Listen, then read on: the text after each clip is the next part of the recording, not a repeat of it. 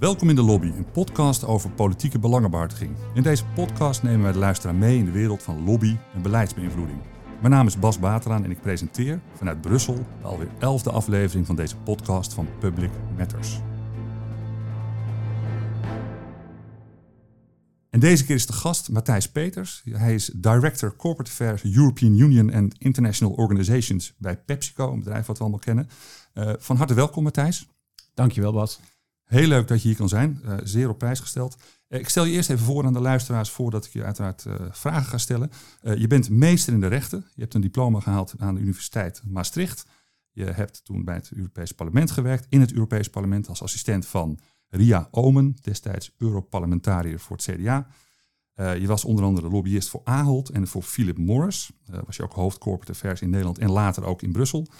Uh, je bent public affairs consultant geweest bij Hill Knowlton. Dat is een grote uh, public affairs consultancy. Sinds 2017 ben je lobbyist bij PepsiCo. Dat is uh, onder andere bekend van frisdrank en snacks en van, van de frisdrank Pepsi natuurlijk. tegelijkertijd ben je ook namens PepsiCo, PepsiCo, neem ik aan, president van de European Snack Association. En daar ga ik je ook van alles over vragen. Veel verschillende dingen gedaan, vooral in de Brusselse, maar ook in de Nederlandse lobbywereld. dus genoeg om te bespreken. Uh, er zijn eigenlijk drie onderwerpen waar we langs zullen lopen. Over jouw carrière zullen we spreken en ervaringen als lobbyist. Over het lobbyvak in zijn algemeenheid en over lobbyen in Brussel. Uh, om te beginnen zou ik je willen vragen, hoe is het ooit zo gekomen? Hoe ben je ooit lobbyist geworden? Nou, ik was het niet van plan om, om lobbyist te worden. Sterker nog, ik wilde als 12-jarige advocaat worden en was dus niet een van diegenen die dan maar rechten ging studeren. Maar ik, ik ging dus echt rechten studeren met het oog op een uh, juridisch beroep. En als ik één ding zeker wist, was het wel dat ik nooit voor het bedrijfsleven uh, zou werken. En nou ja, nu zitten we ruim twintig jaar later hier in Brussel en heb ik uh, na het Europarlement alleen maar in het bedrijfsleven gewerkt. was ook helemaal niet van plan dus om naar Brussel te komen, maar als student in Maastricht was een van mijn vele bijbaantjes was het, het, het chauffeuren van mensen Daaronder ook uh, Ria Ome, die je al noemde. Uh, die mij toen op enig moment uh, vanaf de achterbank vroeg: zou jij het interessant vinden om stage te lopen bij mij in Brussel en Straatsburg? En dat heb ik toen gedaan. En gelukkig ben ik toen kunnen blijven na mijn stagetijd. Eerst als campagnemedewerker voor haar in de verkiezingscampagne van 1999. En daarna als beleidsmedewerker, of zoals we in Nederland gewoon zeggen, assistent. En dat heb ik uh, uiteindelijk uh, al met al zo'n kleine drie jaar gedaan en daarna naar Ahold gewisseld. Ja, zoals vele carrières hangt het ook van toeval aan elkaar. Dus je bent van chauffeur gevraagd om haar medewerker te worden. Dat is best bijzonder. Hoe heb je dat geregeld? Nou ja, dat was een vraag die mij gesteld werd. Dus op zich heb ik daar niet heel veel voor hoeven doen. Maar ik was wel heel blij dat na de, de stageperiode en um, de campagne mij de vraag gesteld werd: goh, zou je niet willen blijven als, uh, als medewerker op mijn kantoor. En uh, inmiddels had ik uh, natuurlijk toch wel wat geproefd aan Brussel. En nou, prachtige stad, was een leuke groep mensen. In dat tijd had het CDA nog negen Europarlementariërs, dus een kleine twintig jonge mensen zoals ik als, als medewerker. En dat was een hele leuke tijd, dus ik was zeker ja, graag bereid om daar nog wat tijd aan vast te plakken. Ja, lang geleden, toen we allemaal nog jong waren. Waren zeker. Maar dat dus als je ziet vaker, dat is medewerkers in het Europees Parlement die later ook eh, het lobbyvak ingaan. Dat is een goede voorbereiding op ons vak, denk ik niet. Ja, het, kijk, je, je leert natuurlijk veel over uh, het, het proces. Natuurlijk vanuit het perspectief van het Europees Parlement met name. Uh, je leert mensen kennen. Um, en ja, na een paar jaar, vooral in mijn ervaring bij de Nederlandse assistenten, heb je het ook wel gezien. Hè? Je, je hebt gestudeerd, je hebt um, mogen proeven aan het wetgevingsproces. Maar als je een keer zo'n cyclus hebt meegemaakt, dan uh, denk ik dat je toch kijkt naar, nou, what's next? En in dit geval uh, vroeg Ahold mij op een gegeven moment of ik niet uh, hun kantoor in Brussel wilde versterken. En nou, dat kwam op een goed moment, dus ik heb daar niet lang over hoeven na te denken. Maar goed, je kan de lobbywereld ingaan, je kan ambtenaar worden, bijvoorbeeld bij de Europese Commissie. Of je kan zelf eh, het Europees Parlement uh, ingaan. Dat, die laatste twee uh, heb je nooit overwogen? Ik heb uh, diverse malen meegedaan aan een concours. Ehm, Wat is het concours voor de luisteraars die dat niet kennen? Heel goed. Dat is inderdaad een, een serie tests waarmee je dan, mocht je slagen, zicht kunt hebben op een baan als Europees ambtenaar. redelijk moeilijk, terecht. En ik ben er nooit doorgekomen. Ik heb wel een keer zo'n zo'n zo'n examen gedaan voor een niet-EU-instelling, de Raad van Europa in Straatsburg. Dat heb ik gehaald. maar ik heb de baan die mij daar werd aangeboden als ambtenaar voor het leven, die heb ik afgeslagen omdat ik dacht, ik word daar niet gelukkig van in Straatsburg. En ehm, ben dus in Brussel gebleven. En je wilde dan toch het bedrijfsleven in? Zoals gezegd, dat, dat kwam toevallig. Dus uh, Ahold ja, was op dat moment echt een van de, van de, de grote favoriete Nederlandse werkgevers. Dus ik was uh, hartstikke blij dat ik daar mocht werken. En inderdaad daarna voor andere bedrijven kunnen werken in Brussel en maar ook in Duitsland. zoals gezegd, veel verschillende functies gehad in, het, in, in de public affairs, in de lobby. word jij nou nog steeds beter in je vak? Ik hoop van wel. Um, maar ja, de, de omstandigheden veranderen ook telkens weer. Hè. Je krijgt te maken met een andere Europese Commissie, met een ander parlement, uh, andere wetgevingsprioriteiten. Dus je moet jezelf telkens aanpassen. En ik hoop natuurlijk dat door de jaren heen je ervaring wel helpt om zaken beter aan te pakken. Je hebt voor veel verschillende bedrijven gelobbyd, ook als consultant ben je actief geweest. Wat, kan je zeggen, wat, wat was je grootste succes en, en hoe meet je dat in de lobby eigenlijk? Hè? Hoe kijk jij terug naar dingen die je hebt gedaan en hoe beoordeel je dat? Het is natuurlijk lastig om uh, succes uh, te claimen als lobbyist. Ik denk dat ik wel één voorbeeld heb waar, dat, uh, waar ik dat denk ik echt wel kan doen. En ook al was dat niet alleen dankzij mij, maar een team. dat was toen ik bij Ahold werkte. werkten wij veel samen met twee grote retailorganisaties die je toen had in Brussel. Eén daarvan Eurocommerce bestaat nog steeds. De vertegenwoordiging van de detailhandel in, eh, in, in Brussel. En samen met, uh, met andere bedrijven binnen die clubs hebben wij geprobeerd om Visa en Mastercard, de grote kaartuitgevers, ertoe te brengen om hun eh, tarieven voor winkeliers omlaag te brengen. Je betaalde daar als klant bij elke transactie een, een bepaald percentage. Totaal ondoorzichtig, oneerlijk. En we hebben dat uh, met een campagne uh, zover weten te brengen dat uh, Visa en Mastercard die, die, die structuur van die tarieven heeft moeten aanpassen. Op een gegeven moment heeft de Europese Commissie ook met een mededingingszaak ingegrepen. Dus je hebt het over een campagne. Wat, wat, wat deed je dan precies? vooral heel veel mensen in de detailhandel in andere Europese landen, zeker ook de nieuwe lidstaten destijds, ervan doordringen dat dit oneerlijk was en dat ze uh, over aan de bel zouden moeten trekken. Dus ik ben, om het heel concreet te maken, met een collega van IKEA uh, Europa rondgereisd en ook wel daarbuiten. En we zijn gaan praten met kleine, redelijk nieuwe retailorganisaties in, noem een land, Slovenië, om te zeggen, dit gebeurt er en je kunt hierover naar jouw uh, mededingingsautoriteit. En veel retailers hebben dat ook gedaan. Klinkt als een groot succes. zijn er ook tegenvallers geweest? En kan je daar iets over vertellen? Uh, succes heeft vele vaders. En hoe zeggen ze dat? Mislukking is een wees. Als ik dat goed vertaal uit het Engels. nee, natuurlijk gaat niet alles goed. En wellicht is het niet meteen een, een, een, een lobbymislukking. Maar zoals je in de introductie zei, heb ik voor een, voor een advieskantoor gewerkt. Um, en daar kwam ik binnen ook als, als Director Public Affairs, zoals het dan heet. Maar daar werd ook van mij verwacht dat ik nieuwe klanten zou binnenbrengen. En dan krijg je te maken met een heel andere tak van sport. Ja, dat hoef ik jou als, uh, als consultant waarschijnlijk niet te vertellen. Maar een hele, een hele commerciële, um, een heel commercieel aspect. En nou, daar was ik gewoon uh, echt niet goed in. Ik heb daar een jaar gewerkt en toen ik vertrok hadden we één klant minder dan toen ik begon. Dus we hebben in, in goede harmonie besloten dat, dat de consultancy, althans het commerciële aspect ervan, niet, uh, niets voor mij was. Dus uh, ik ben heel blij dat ik de kans gekregen heb om daar een jaar aan te mogen proeven. Veel aan gehad, maar ook, ja, het was niet echt mijn ding. Dit, dit was een, het vak van, van een lobbyconsultant. Dat, dat heeft in, vereist inderdaad andere, andere dingen en passies. Maar als je het hebt over een tegenvallende lobbyactie, in een van je vele rollen die je hebt vervuld. Heb je daar voorbeelden van?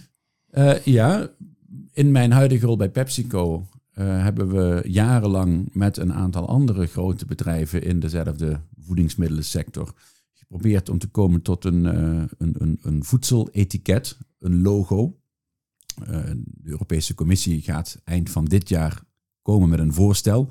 Wij probeerden dat voor te zijn door zelf te komen tot overeenstemming over een groot logo dat we dan met z'n allen zouden uitrollen in Europa. Um, en dat kreeg heel veel tegenwind van, uh, van consumentenorganisaties die meenden, nou, jullie maken het logo eigenlijk wel erg voordelig voor jullie producten. En wat er ook van zei, de druk werd zo groot dat het ene en het andere bedrijf de stekker eruit trok. En dan heb je dus jarenlang heel intensief gewerkt aan iets wat uiteindelijk door lobby van anderen in dit geval niet van de grond komt. En dat is allemaal prima terechtgekomen uiteindelijk. We hebben eh, als bedrijf ook andere keuzes gemaakt inmiddels over wat voor uh, logo wij ondersteunen. Maar ja, het geeft wel aan dat je heel veel tijd kunt kwijt zijn aan iets wat uiteindelijk niet gebeurt of tot niets leidt. Dus dan maak je van tevoren inschatting, we willen dat bereiken, we gaan het zo uh, realiseren en dan, en dan lukt het niet. Kan je, dan, kan je jezelf dan niet verwijten of, of uh, ligt dat aan externe factoren?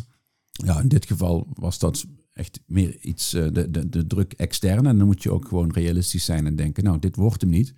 En laten we inderdaad er maar mee stoppen en onze energie aan, aan het volgende project besteden. Je had het net over een lobby-succes, hè? dat viel me even op. En je had het over, het was oneerlijk, et cetera. En daar klonk echt uit van, nou, ik, ik geloof heel erg, ik vond het ook echt oneerlijk. Is dat belangrijk voor een lobbyist om te geloven in wat je, wat je vertelt? Ja, in het algemeen zeker. Je moet, uh, als jij uh, een bepaald punt komt maken bij een beleidsmaker, of dat nou een ambtenaar van de Europese Commissie is, of iemand die hier voor een lidstaat werkt, of een, een politicus of een medewerker.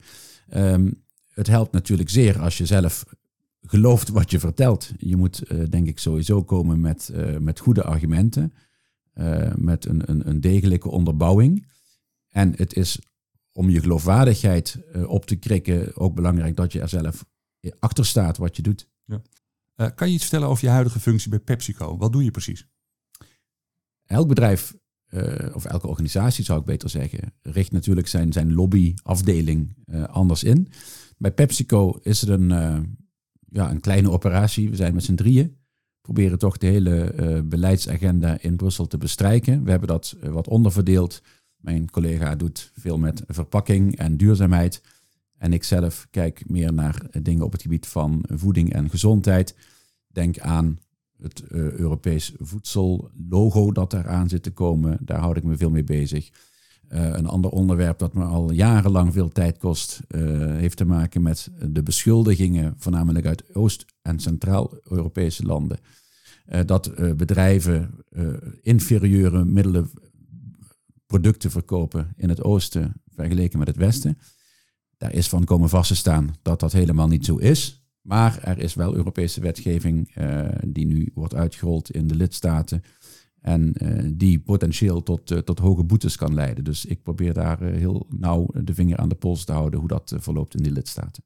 PepsiCo is een van de grootste voedingsmiddelenbedrijven van de wereld. Jullie vertegenwoordigen PepsiCo met z'n drieën in, in, Brussel. Is, is voor zo'n groot Amerikaans bedrijf Brussel niet van extreem groot belang? Vereist dat niet veel meer lobbyisten? Brussel is zeker van, van zeer groot belang. Um, als ik kijk naar uh, onze directe concurrenten, ik zou niet zeggen dat die meteen allemaal veel groter of veel kleiner zijn qua vertegenwoordiging in Brussel. Het heeft te maken met, uh, met budgetten, met marges. Um, en ja, toch ook prioriteiten die bedrijven uh, stellen. Oké. Okay. je hebt ook voor Philip Morris International gewerkt, een grote tabaksproducent. je bent er inmiddels weg. Maar, maar hoe kijk je daarop terug? Ook ja, kijkend naar alle negatieve sentimenten en de kritieken die er zijn op de tabakslobby in de tabaksindustrie? Ik ben daar ooit gaan werken omdat ik eh, geen werk had. Uh, mijn contract op dat moment liep af. Ik werkte in, uh, een paar jaar in Duitsland bij Metro, de grote uh, detailhandelaar. groothandelaar ook, moet ik vooral zeggen. Um, en dat liep af, dus ik had werk nodig. En ja, bij Metro had ik ervaring opgedaan in de communicatieafdeling. Ik had bij Ahold ervaring in de public affairs en deze functie verbond die twee aspecten. En dat was voor mij professioneel interessant. Natuurlijk wel iets waar ik over moest nadenken. Maar ja, de omstandigheden dwongen mij ook wel een beetje toe om uh, dat, dat voorstel in ieder geval serieus uh, te bekijken. En ik ben daar dus uiteindelijk in 2009 in dienst gegaan. Ben je er trots op dat je bij de, voor de tabakslobby hebt gewerkt? Dat je tabakslobbyist bent geweest?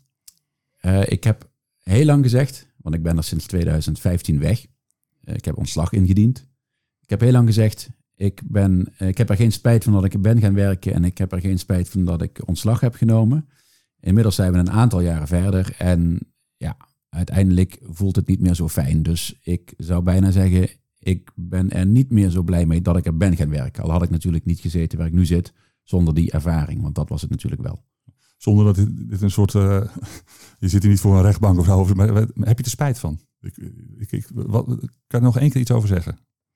Um, nee, ik heb er geen spijt van. En uh, dat hangt samen met uh, het feit dat ik vind dat elk bedrijf, uh, elk legaal bedrijf, een bedrijf dat een legale industrie vertegenwoordigt, dat dat ja, recht heeft, zou ik zeggen, om vertegenwoordigd te mogen worden, ook door lobbyisten. Ja. De vraag is, wil je dat zelf doen? Of, of dat, dat is een punt, daar kom ik zo nog even op. De tabakslobby is heel succesvol volgens sommigen. Uh, er zijn blijkbaar enorme budgetten om, om, om, om uit te geven aan, aan, lobby, uh, lobbycampagnes. Uh, kan je er iets over zeggen? Um, of ze succesvol zijn, dat, dat weet ik niet. maar inderdaad, zo'n zo'n bedrijf als, als Philip Morris International, dat had natuurlijk ja, veel geld over voor lobby, omdat er ook veel op het spel stond in, in, in zaken regulering van tabaksproducten. Dus ik begrijp dat, ik begrijp dat goed. Ja, en die lobby's werden dan extreem professioneel opgezet en kosten nog moeite werden dan gespaard. Uh, kan je iets zeggen hoe ze dat deden? Iets met raadswerkgroepen heb ik wel eens gehoord. Hè? Dat ze die nabootsen. Hoe, hoe, hoe gaat dat in zijn werk? Kijk, eh, het is natuurlijk zo, in Brussel is heel veel openbaar. Dus je kunt bij zo'n Europees parlement, daar ga je gewoon naar een commissievergadering als het over jouw onderwerp gaat. Maar de raad, de lidstaten, eh, zijn ook medewetgever. En die, die vergaderen uh, over het algemeen in het, in het geheim. Daar kun je niet meer niet zomaar bij gaan zitten als, als lobbyist. Maar ja, als je dan als bedrijf uh, heel veel mensen, heel veel geld hebt om heel veel mensen te betalen in de lidstaten, dus je hebt daar gewoon ook lobbyisten zitten, uh, die allemaal hun contacten onderhouden met nationale overheden, dan kom je natuurlijk wel in een situatie dat als er dan zo'n raadswerkgroep, dus nationale ambtenaren, uh, is geweest, nou, en je vraagt al je medewerkers van, goh, vraag eens even bij jouw contact na een dag later van hoe is het gegaan, uh, welk land ligt dwars uh, op dit punt, uh, wie ondersteunt ons standpunt op een ander onderwerp. En je vraagt er dan iedereen, dan is het op zich makkelijk om twee dagen na zo'n raadswerkgroep een conference call te hebben als Philip Morris met 28 collega's in alle lidstaten, die dan zeggen, nou ik heb gehoord van mijn contacten dat Tsjechië dwars ligt. Als twee andere medewerkers dat bevestigen, dan kun je aannemen dat Tsjechië inderdaad dwars lag op dat punt. Ik, ik verzin maar even iets. En zo kwam je dus eigenlijk in een uh, uren durende conference call, kwam je eigenlijk tot een soort notule van uh, de raadswerkgroep, die dus geheim is. Uh, en dat, dat vond ik een, ja, wel een eye-opener. Ik denk, god, dat doen ze toch wel, wel verrekte handig bij zo'n bij zo'n tabaksbedrijf. Maar dat ligt dus aan, ja, je moet daar wel budget voor hebben om ja, in elk land wel lobbyisten te hebben. Bij PepsiCo kan ik je vertellen, hebben wij lang niet in elk land uh, iemand zitten hoor. Met Philip Morris International achterhaalden jullie dus uh, de posities van de verschillende lidstaten in zo'n zo'n raadswerkgroep. Jullie spraken daartoe met, met ambtenaren. Mag dat eigenlijk? Nou, als we het op de Nederlandse eh, context even uh, bekijken, um, daar zijn de meningen over verdeeld. Wat bedoel je precies? Dan heb je het over contacten tussen de tabakslobby en ambtenaren. Ja, er is in Nederland een rechtszaak gevoerd door de anti-tabakslobby die meende dat op basis van een verdrag van de Wereldgezondheidsorganisatie, dat ook Nederland heeft ondertekend, geen contact mag plaatsvinden met de tabakslobby. En de rechter heeft uiteindelijk daarvan gezegd, dat zegt dat verdrag niet. Contacten moeten beperkt zijn, je moet er transparant over zijn, maar het is geen verbod. Uh, heel lang verhaal, maar uiteindelijk heeft de Nederlandse overheid uh, toch tegen haar ambtenaren gezegd, op alle niveaus, contact met de industrie zoveel mogelijk beperken. En als je het al hebt, puur over technische kwesties en openbaar maken. En wat vind je daarvan?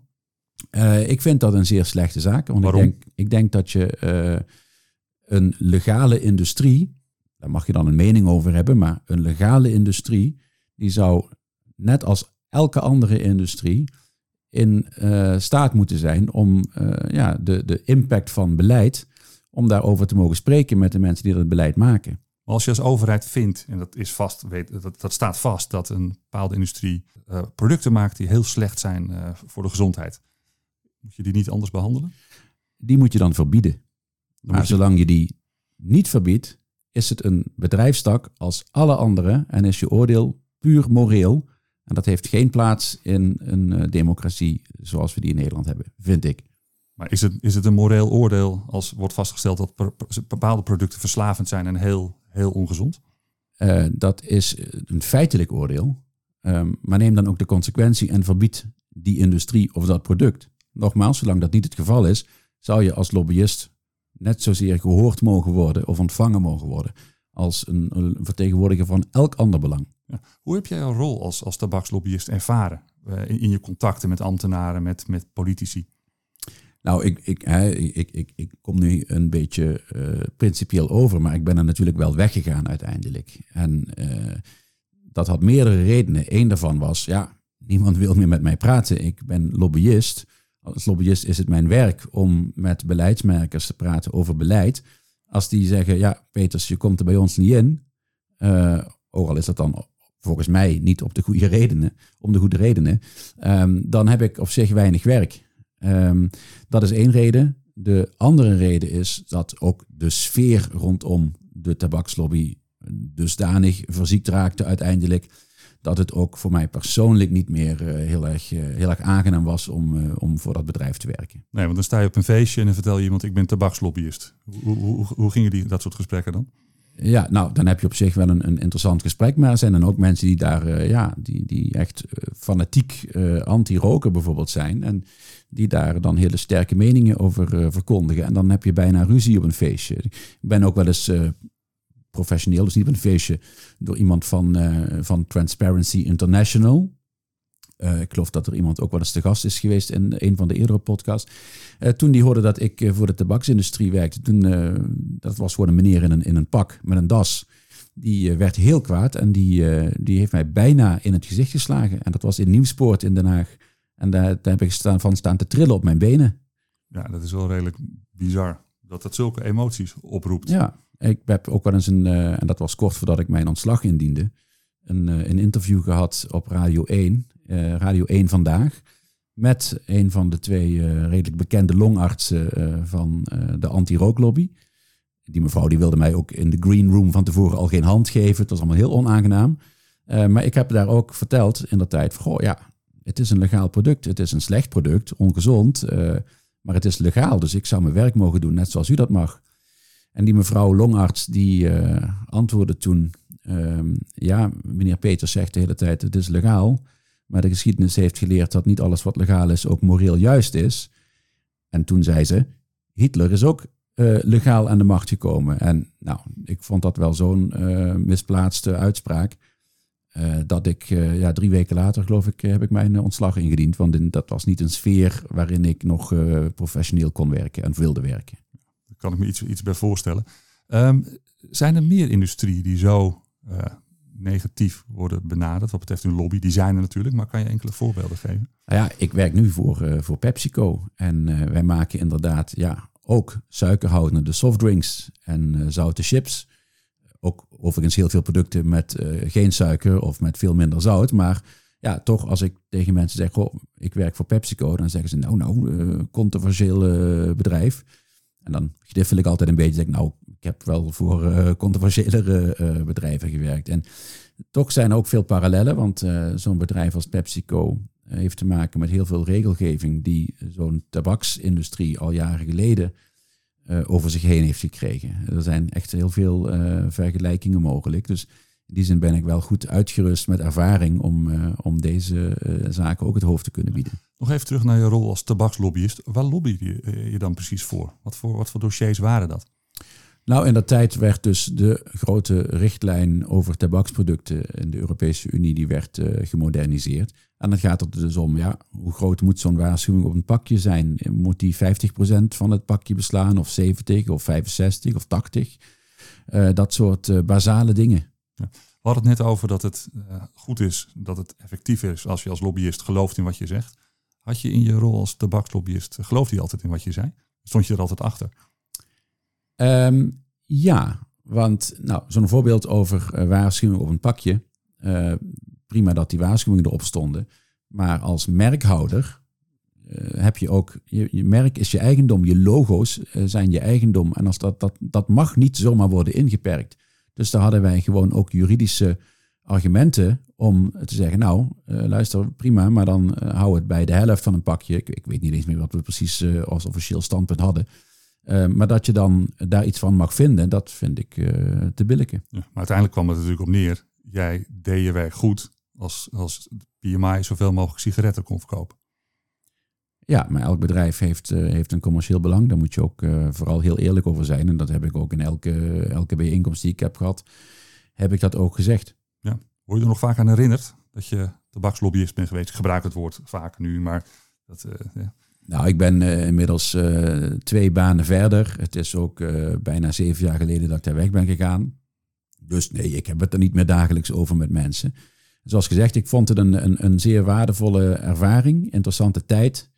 Uh, maar ja, heel blij dat die tijd achter mij ligt, dat zeker. Ik zou nog wat vragen willen stellen over, eh, stellen over het lobbyvak. Uh, wat maakt volgens jou een goede lobbyist? We hebben het al gehad over het feit dat je, als je gelooft in wat je zegt, dat dat, dat, dat helpt. Maar wat nog meer? Nou, ik heb eerdere uitzendingen van deze podcast ook beluisterd. En uh, ik denk dat, dat iedereen het er wel over eens is wat een goede lobbyist maakt. Het is iemand, hè, je moet goede argumenten hebben. Je moet kunnen uh, onderbouwen wat je beweert. Uh, je moet op het goede moment bij de goede beslis, beslisser komen. En, en ja, er zijn nog steeds veel lobbyisten die dat, dat, dat simpele feit, die, die daar de mist in gaan. Um, de procedures kennen. Je moet weten het is eigenlijk heel simpel. Je moet gewoon weten waar je wanneer moet zijn. En ik zou vooral iedereen aanraden om er vooral tijdig bij te zijn. En wat maakt jou een goede lobbyist? Welke van deze, deze elementen ben jij, het, ben jij het best in? Nou, ik mag hopen dat ik eh, na, wat is het, uh, eh, 22 jaar in, eh, in Brussel een beetje weet hoe het werkt. Um, maar of ik een goede lobbyist ben, zou ik van mezelf niet willen beweren. Ja, dat is een valse bescheidenheid. nog iets over het vak. Hè. Er zijn verschillende lobbyregels, zowel in Den Haag als in, in Brussel. Welke regels zouden jou volgens jou moeten zijn om te zorgen voor een eerlijke, transparante lobby? In Brussel bijvoorbeeld. In Brussel heb je natuurlijk het, het transparantieregister, um, waarin dus bedrijven en organisaties, lobbyisten in zijn algemeenheid, zich moeten registreren. En in toenemende mate willen beslissers ook alleen maar spreken met mensen of organisaties die in dat register staan. Dat lijkt mij heel goed. Het is wat dat betreft in Brussel heel transparant geregeld. Uh, in Nederland is dat uh, al een heel lang aanslepende discussie over uh, al dan niet een lobbyregister. wie mag allemaal een pasje hebben voor de Tweede Kamer? Um, daar is zeker nog heel veel mogelijk. En nou, persoonlijk kan mij niet transparant genoeg zijn. Maar heel veel is nog steeds niet verplicht, ook niet in Brussel. Dat, dat register is niet verplicht. Hoe komt het nou toch dat, dat goede wetgeving die zal bijdragen aan een, ja, ook een, misschien wel een beter imago van de sector, eh, dat het niet gewoon, eh, niet gewoon gerealiseerd wordt? Hoe komt dat toch? Uh, dat zou je moeten vragen, vooral aan, uh, aan de Kamer in, uh, in Den Haag. Of maar, meer... ik vraag het aan jou als, als expert. Ik heb geen idee, want ik, ik zie zelf helemaal geen probleem met transparantie.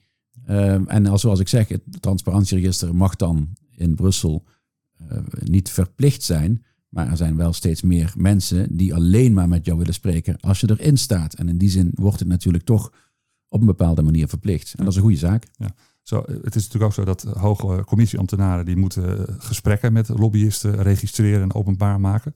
Draagt dat bij aan een transparante en eerlijke lobby? Je kan toch gewoon informeel met mensen bellen of, of, een, of een biertje drinken in het café? Ja, maar dat is toch vooral dat biertje drinken in het café. Dat is toch echt iets van uh, jaren geleden. Als ik met iemand. Maar daar ben jij toch heel goed in? Als ik met iemand een biertje drink in een café. En inderdaad, dat, uh, nou, daar ben ik wel goed in.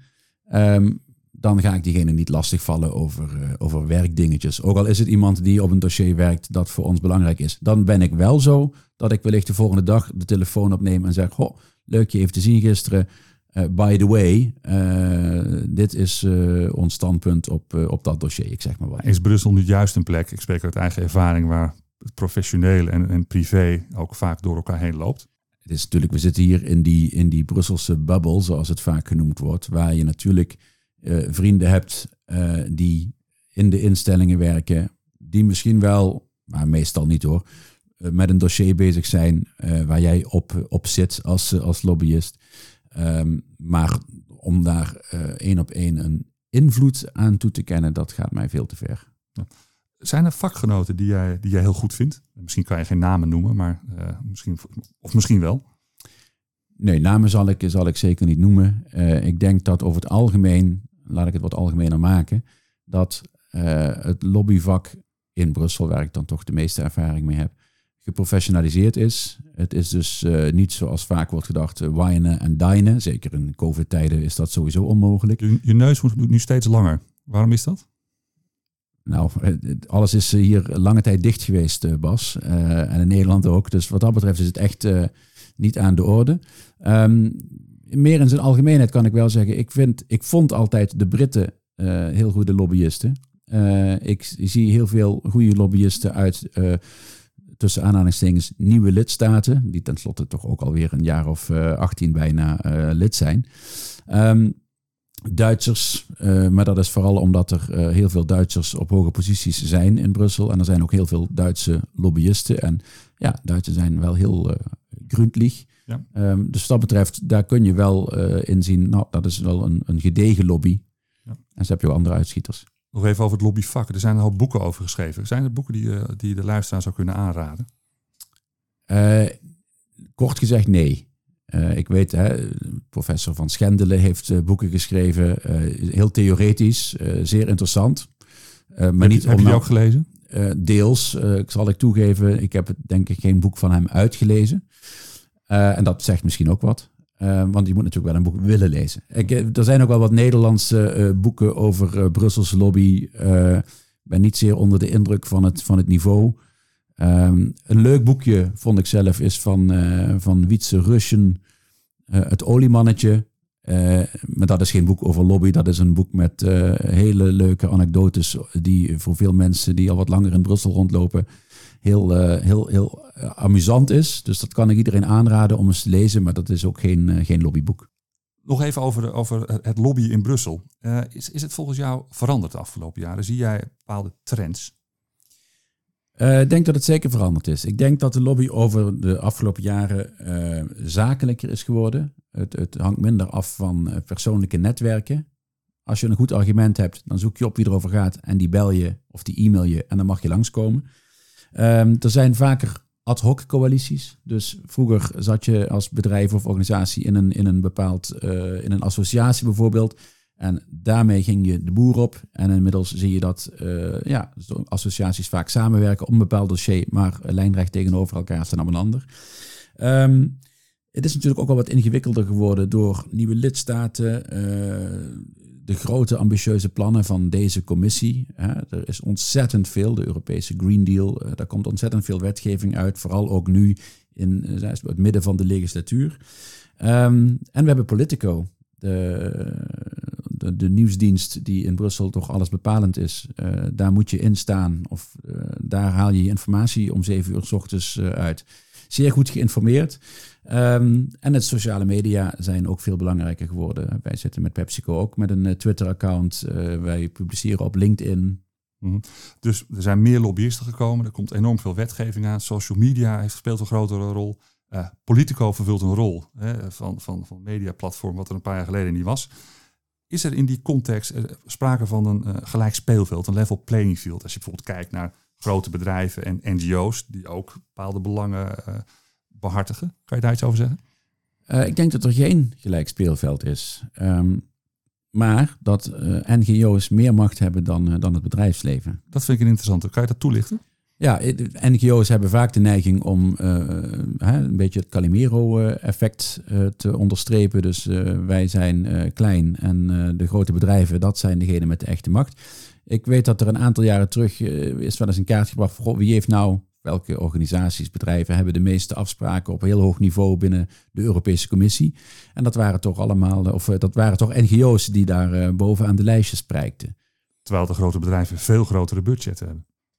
Ja, maar je hebt ook ambtenaren uh, en, en beleidsmakers in het algemeen, die zelf natuurlijk keuzes maken met wie ze wel of niet praten. En dan zie je toch dat uh, maatschappelijke organisaties uh, ja, vaak wat welkomer zijn dan, dan, dan grote bedrijven. Dus die budgetten zeggen niet alles? die zeggen inderdaad niet alles. Die kunnen je helpen. Hè? Het voorbeeld dat ik eerder gaf over het in kaart brengen van de discussies in zo'n raadswerkgroep. Ja, daar heb je nou eenmaal mensen bij nodig. Uh, dus daar zullen zeker, dat, dat, budgetten zijn daar zeker een factor in. Ja. er lopen ook een hoop Nederlanders rond, Nederlandse lobbyisten in Brussel. hoe doen zij het? Daar heb ik op zich weinig zicht op, omdat ik, ik ben Nederlander, maar ik loop hier rond voor een Amerikaans bedrijf. Dus in de typisch Nederlandse clubjes waar ik vroeger overigens wel veel kwam, daar, daar zie je mij niet vaak.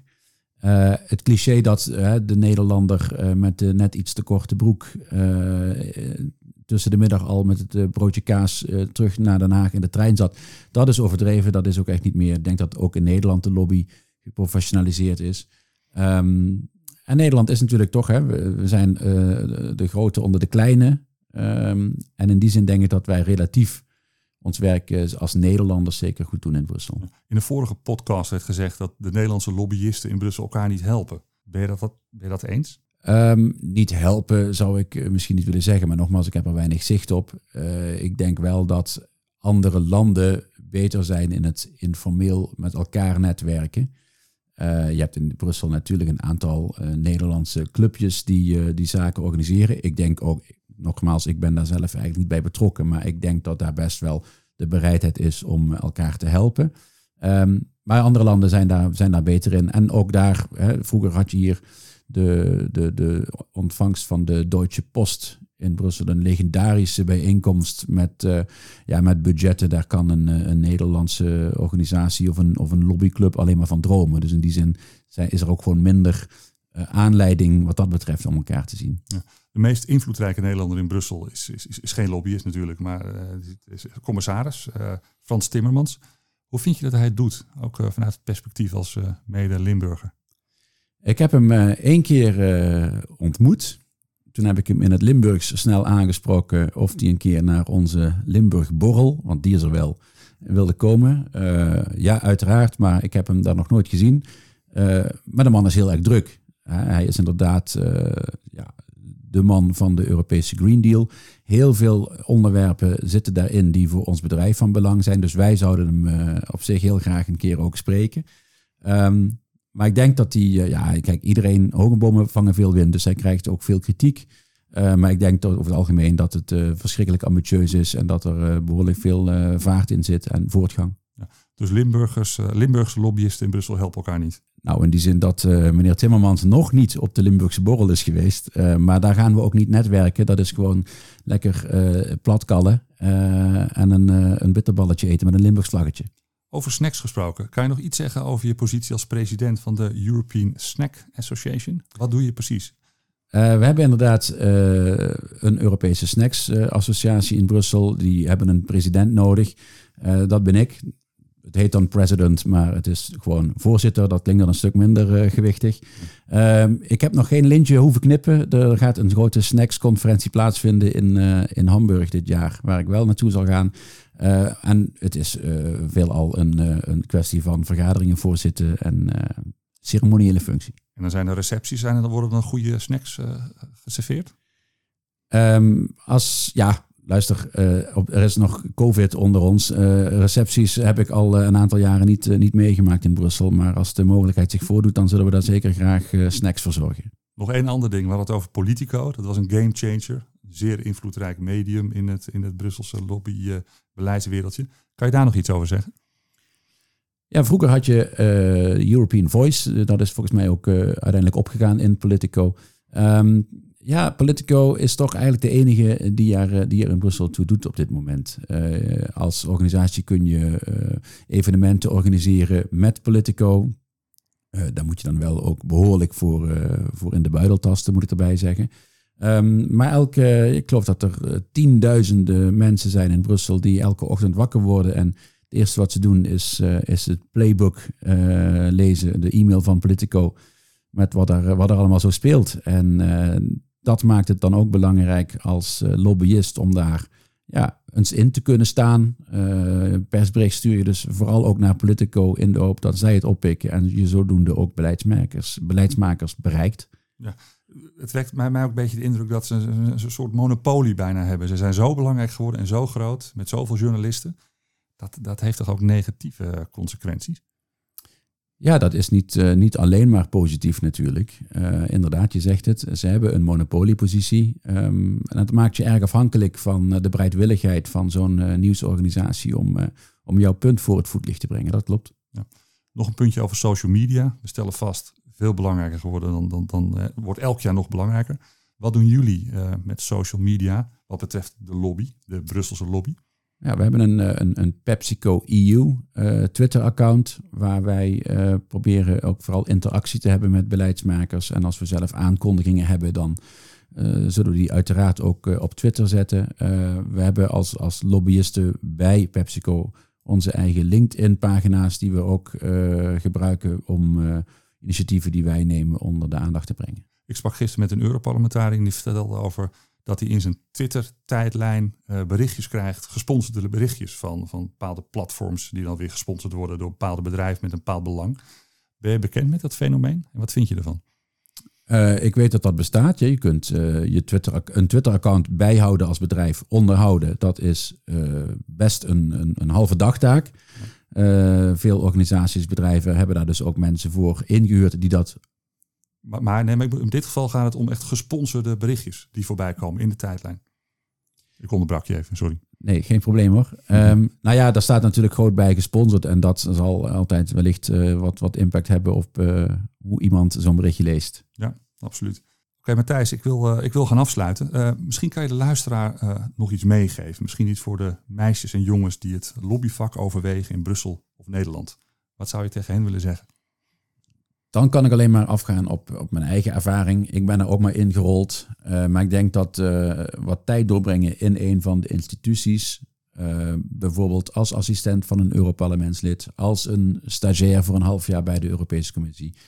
Als je die kans krijgt en je wilt in het lobbyvak verder, dan is dat een hele goede basis om in ieder geval wat insights uh, te hebben vanuit de instellingen die dan later in een carrière, als je dan voor een bedrijf, een organisatie, wat dan ook gaat werken, uh, die dan zeer van nut kunnen zijn. Dus dat zou ik iedereen aanraden. Dankjewel, Matthijs. Tot zover in de lobby, een podcast over politieke belangenbehartiging. Nogmaals hartelijk dank Matthijs Peters van PepsiCo voor, je voor je openheid en je transparantie. je nam ons mee in de catacombe van lobby in Brussel en je gaf ons een inkijkje in hoe je in, in Brussel succesvol kon zijn als lobbyist. Nogmaals, dankjewel. Mijn naam is Bas Batela en hier vanuit Brussel. Veel dank voor het luisteren. Heb je vragen over deze podcast, opmerkingen, tips of suggesties voor een onderwerp? Mail ze naar info.publicmatters.nl of kijk voor meer informatie op www.publicmatters.nl.